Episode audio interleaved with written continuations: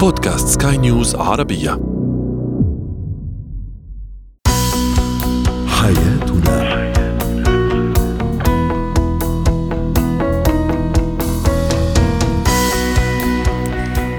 مستمعينا الكرام أهلا بكم معنا إلى حياتنا برنامجكم اليومي الذي يعنى بشؤون الأسرة وباقي الشؤون الحياتية الأخرى والذي يمكنكم أيضا الاستماع إليه عبر منصة سكاي نيوز dot com slash podcast وباقي منصات البودكاست الأخرى. معي أنا آمال شاب. نتحدث اليوم عن التوقعات الزوجية. ما هي أهم هذه التوقعات بالنسبة للزوج أو الزوجة؟ وكيف أيضا يمكننا أن نجعلها حقيقة؟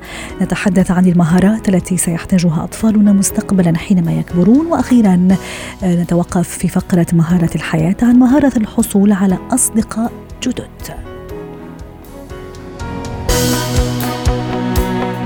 هو وهي.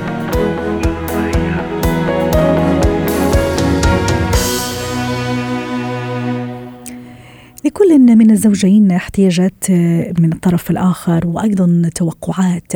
ما هي التوقعات التي بالنسبة للزوج والزوجة وكيف أيضا نحول هذه التوقعات إلى حقيقة ونجعلها حقيقة؟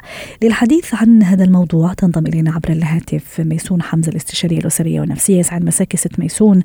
ما هي توقعات الزوج تجاه الزوجة بشكل عام والزوجة أيضا تجاه الزوج بشكل عام؟ حسنا أهلا بك وبجميع المستمعين. حقيقة لنتكلم عن التوقعات من الزواج عند كل من الطرفين.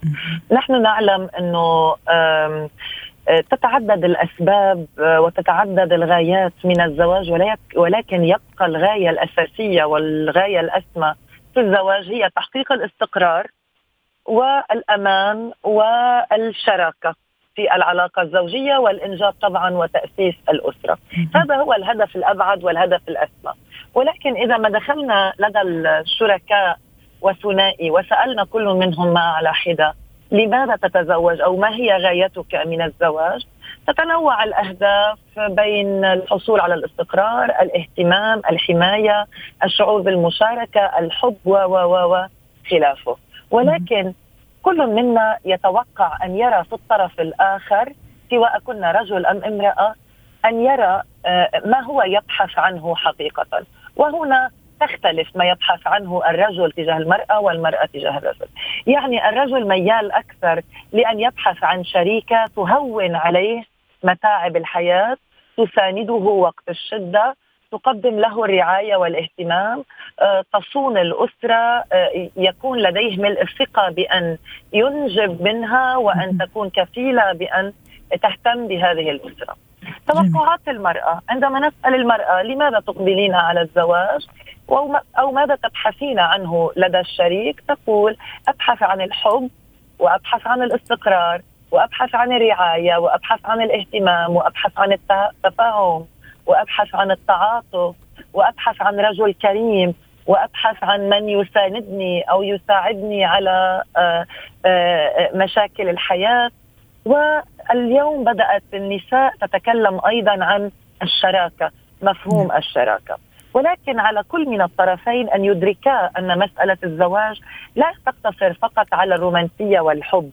يعني طبعا آه، وهي أساسية يعني وهذا يعني الحب هو قاعدة أساسية تبنى عليها العلاقة الزوجية ولكن إذا كان حب خالي من التفهم وخالي من ال ال يعني بعد النظر والإمكانية على التواصل والتسامح يتلاشى طيب. وكلنا أمر قابل للتلاشي طيب أستاذة ميسون حضرتك نعم. ذكرتي مجموعة توقعات سواء بالنسبة للزوجة أو الزوج من بينها الاهتمام الأمان الاستقرار إنجاب أطفال وما إلى ذلك توقعات إلى حد ما مقبولة يعني لكن ما الذي يجعلها نعم. أحيانا آه، لا تتحقق على أرض الواقع آه، يجعل يجعلها أحيانا بعيدة نعم. عن بعيدة المنال نعم. إذا بدك نعم. يعني كيف لي أن أحول هذه التوقعات أو أن أجعلها حقيقة على الأرض ملموسة سواء بالنسبة لي كزوج أو زوجة. هنالك نعم. علينا أن نميز بين ما هو متخيل أو مشتهى وبين ما هو واقعي عندما أقبل على الزواج. جميل. وهنا آه، نتكلم عن الوعي لمجموعة من التحديات. يعني يكون زواجي واقعي وحقيقي وبعيد عن المتخيل إذا كنت جاهز فعلا لدي جهوزية نفسية لما أنا مقبل عليه؟ وكيف أوفق إذا ما أردت بين رغباتي؟ ماذا أرغب أنا في الزواج وما هو المتوفر؟ يعني يستحيل على فتاة أن تكون تحلم بأن تتزوج رجل غني وثري ويستطيع أن يقدم لها كل شهر هدية كذا أو يقوم لها بسفرة كذا أو يقدم لها وهو موظف عادي لا يستطيع أن يقوم بذلك. هنا نتكلم عن عدم واقعية وعدم أنا اسمحي لي أن أسميها عدم جهوزية لأن الجهوزية في الإقبال على الزواج تتعلق بمجموعة تحديات. أولها الوعي للتحدي المالي. يعني أن أعرف ماذا أريد وماذا يمكنني أن أوفر وما هو أنا محتاج أو ما هو المتوفر وما أنا محتاج إليه فعلا وما هو بالإمكان الحصول عليه. ثانيا علينا أن نكون أيضا واعين لتحديات من نوع آخر وهي الالتزام والوفاء. وهذا يتعلق بنمط الشخصية التي أريد أن أقترن أو أن أتزوج منها سواء كان رجل تجاه امرأة أو امرأة تجاه رجل. هل أنا فعلا هذا هو الشخص أو هذه هي المرأة المناسبة لأن أقترن بها؟ هل تكتمل فيها الصفات؟ وهنا تأتي مرحلة الخطوبة أو مرحلة التعارف. كمرحلة أستطيع أن أتلمس منها آه آه هذا الأمر. يعني وكأني أفهم من كلامك إنه فترة الخطوبة هي فترة اختبار آه يعني قد أتلمس طبعاً. من خلالها. إذا ما كانت توقعاتي طبعاً. ستصبح أو تتحول طبعاً. إلى حقيقة ولا لا؟ لأنه نعم لأنه هنالك الالتزام والوفاء وهنالك القناعة بأنه هذا من تزوجت وهذا من أريد أن أكمل معه. ثالثا على المقبلين أيضا على الزواج أن يكونوا واعين لنمط حياة الشريك الآخر. ومدى التقارب؟ يعني إلى أي مدى أنا قادر على أن أقارب بين نمط حياتي ونمط حياة الآخر؟ واضح. وما هو حجم التضحيات الذي أنا أريد أن أقدمه في هذه العلاقة؟ وماذا أستطيع أيضا أن أتحمل ولا أتحمل؟ نعم. وأن يكون هنالك فعلا فعلا نمط من المصارحة الفعلية والواقعية حول ماذا ما هي التنازلات التي يستطيع كل طرف الاقبال عليها أو القيام. شكرا لك ميسون حمزة الخبيرة والاسريه والنفسية ضيفتنا من بيروت.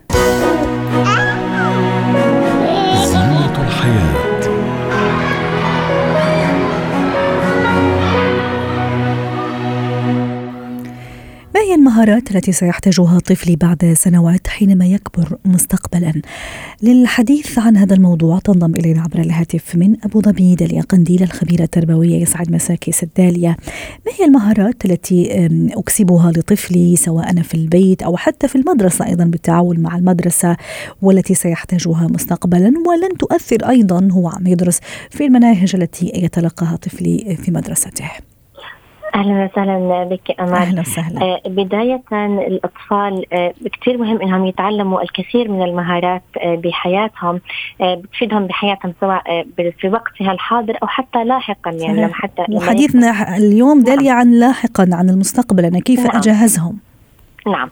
بداية أهم نقطة من وجهة نظري لنعلمها للأطفال هي مهارة التواصل مع الآخرين. يعني هاي المهارة كفيلة بأنها تخلي الطفل قادر على إنه يتعلم جميع المهارات الأخرى سواء كانت من ناحية من ناحية تكنولوجية سواء كانت من ناحية شخصية من ناحية عقلية من ناحية ذهنية. هذه المهارة إذا توفرت عند الطفل بيكون قادر على إنه يتعلم بشكل كبير جدا حتى إنه يصبح مثلا مستقبلا من رواد الأعمال.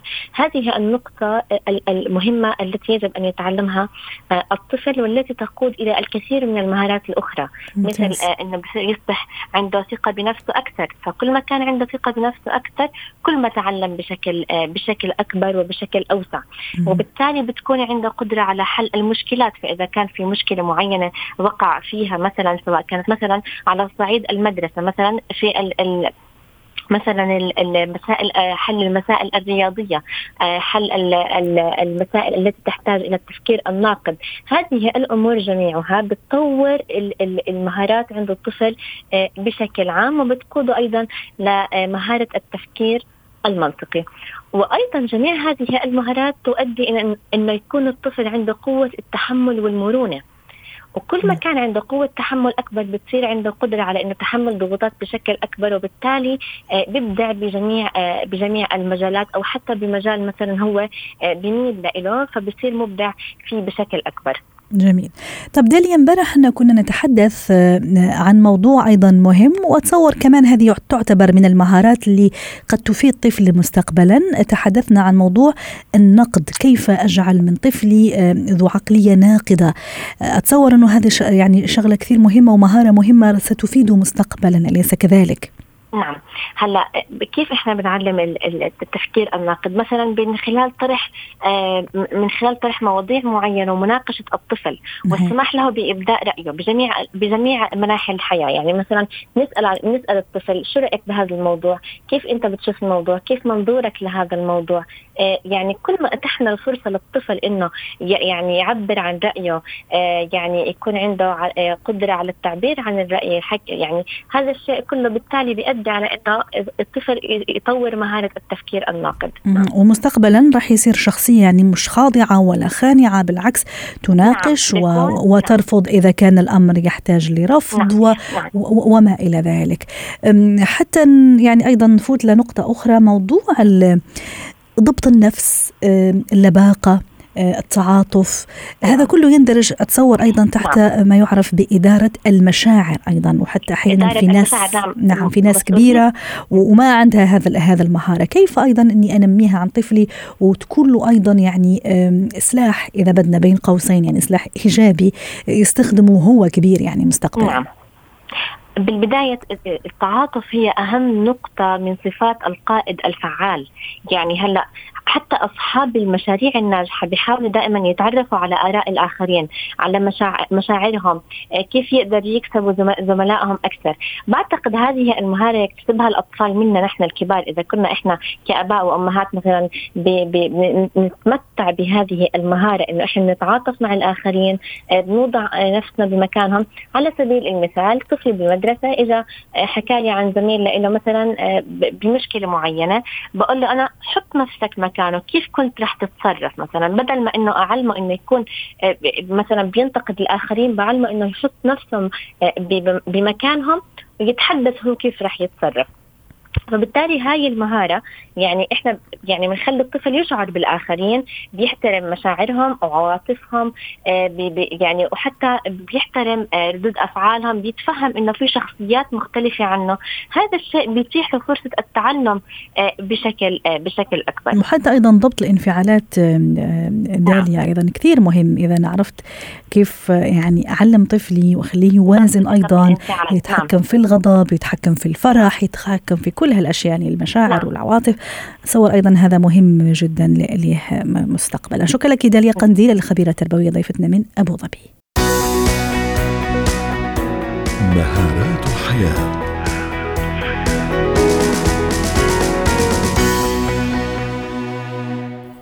الأصدقاء يشغلون آه، جزء آه، مهم وكبير في في في حياتنا. نتحدث اليوم عن كيفية اختيار أصدقاء جدد. للحديث عن هذا الموضوع ينضم إلينا عبر الهاتف مدرب الحياة محمد الطيب يسعد مساك أستاذ محمد. بعيدا هلا عن الأصدقاء القدامى اللي عادة حنا يكونوا بمثابة إخوة وأخوات لنا. هذو الشغلة أخرى رح نحكي عليها ربما في حلقات مقبلة. آه، أنا إذا حبيت أكسب صداقات جديدة أو أصدقاء وصديقات جديدات. ما هي هذه المهارة؟ كيف لي أن أكسب هذه المهارة وأكتسبها؟ عفوا. الموضوع حلو وبالتالي إحنا لازم نوحد مصطلح الصديق. من هو الصديق؟ لأن إحنا لو كلمنا ان جنرال إن إزاي الواحد يكسب أصدقاء وكان الصديق غلط هيبقى عندنا مشكلة. فإيه رأيك آه، أمال؟ من هو الصديق؟ والله إحنا نستنى منك يا أستاذ محمد جاوبنا يعني إذا بلشت أحكي أنا ما راح أخلص وبتخلص الفقرة وما عملنا شيء. وهو لذلك إحنا كويس إن الموضوع الفقرة تكون أخذ وعطى في إيه، الحوار ولكن الصديق. هو الشخص اللي بيكلمني بالطريقة اللي تكون مناسبة للوصول اليه الصديق هو اللي أنا أقدر أعتمد عليه في وقت الشدة. الصديق هو اللي ما فيش عهود بيني وبينه في الأول ولكن آه بتعتمد على الخبرات.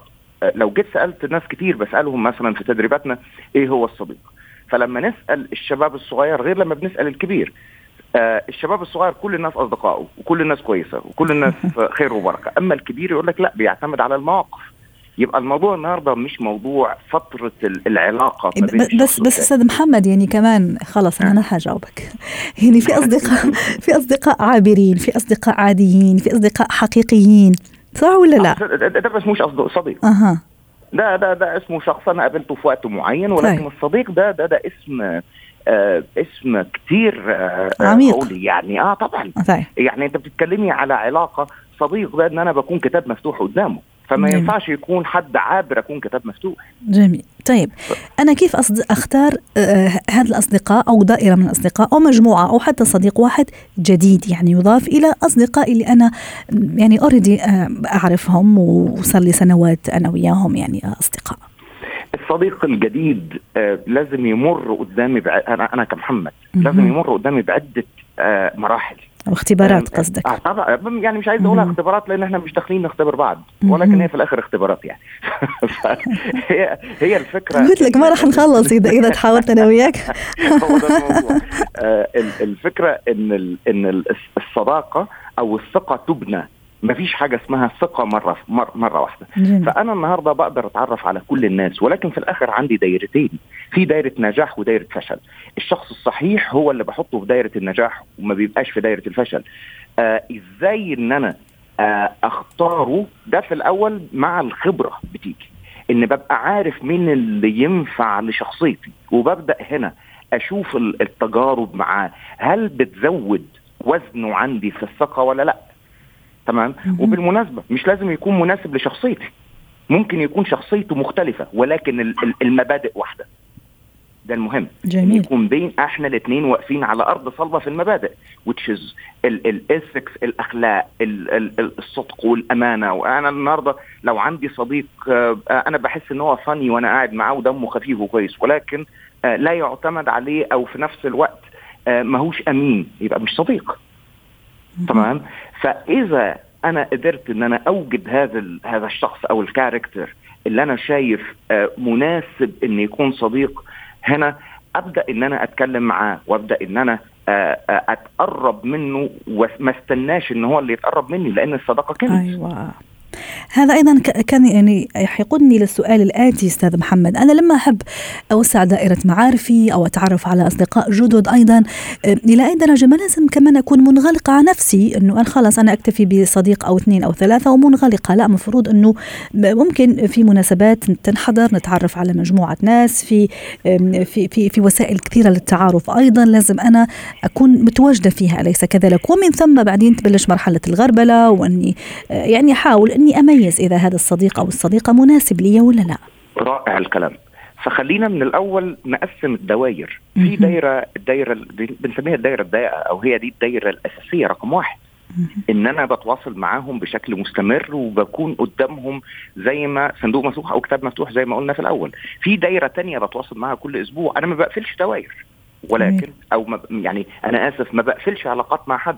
ولكن كل واحد بيتحط دلوقتي في كراجل النهارده بياخد خطوات محسوبة أي حد قدامنا أو بيسمعونا وهم متعودين معانا بقى لهم فترة إن إحنا بنتكلم على البلاننج الخطة حتى في الصديق هو في أنهي دايرة. مين اللي أقدر أتكلم معاه ومين لأ؟ مين لما أكون محتاج إن أنا أبكي أروح أكلمه وأبكي؟ وده مش عيب. فما ينفعش أي حد. فالنهاردة هوسع دايرة الصداقة؟ لأ ولكن أنا هوزع دوائر الصداقة. دايرة الصداقة أنا مش محتاج يكون عندي عشرة شايلهم على كتفي. أنا عايز واحد يكون بيجري جنبي. هو ده. هجري أسرع وصديقي بيجري جنبي أحسن ما أكون بجري وعشر أصدقاء أنا شايلهم على كتفي وده لازم يكون منهج من الأول. وهل يعني الصديق هذا الجديد اللي أنا كسبته وودي أكسبه يعني هل لازم أتواصل معه كل يوم هل هذا معناتها أنه هو الصديق الجديد الكويس اللي راح يعني ألاقيه في في في مشاكلي وفي صعوباتي وفي عثراتي ولا لا يعني الصديق الجديد هذا أنه ممكن أنا أتواصل معه مرة في الأسبوع أو ممكن مرتين على أكثر أكثر تقدير على فكرة هو على حسب. الشخصية أيوة. لأن في شخصية أنا هو ما بيحبش التواصل كل يوم وأنا. مش لازم أتواصل معاه بطريقتي أنا عايز أتواصل معاه بطريقته علشان تفضل العلاقة موجودة بما إن هي ما هيش الطريقة اللي هو عايزها مش عيب ومش غلط ومش حرام. فبالتالي ممكن أتواصل معاه بطريقته. إذا كان هو شايف إن مناسب بالنسبة له أسبوع نتكلم مرة آه أنا ليا أصدقاء كده وأنا متقبلهم زي ما هم حتى لو مش عاجبني. ليه؟ لأن أنا لازم أتقبل الصديق. هو ده حب الصديق. أحبه بالطريقة اللي هو اللي تعجبه مش اللي بتعجبني لأن هنا تبقى أنانية.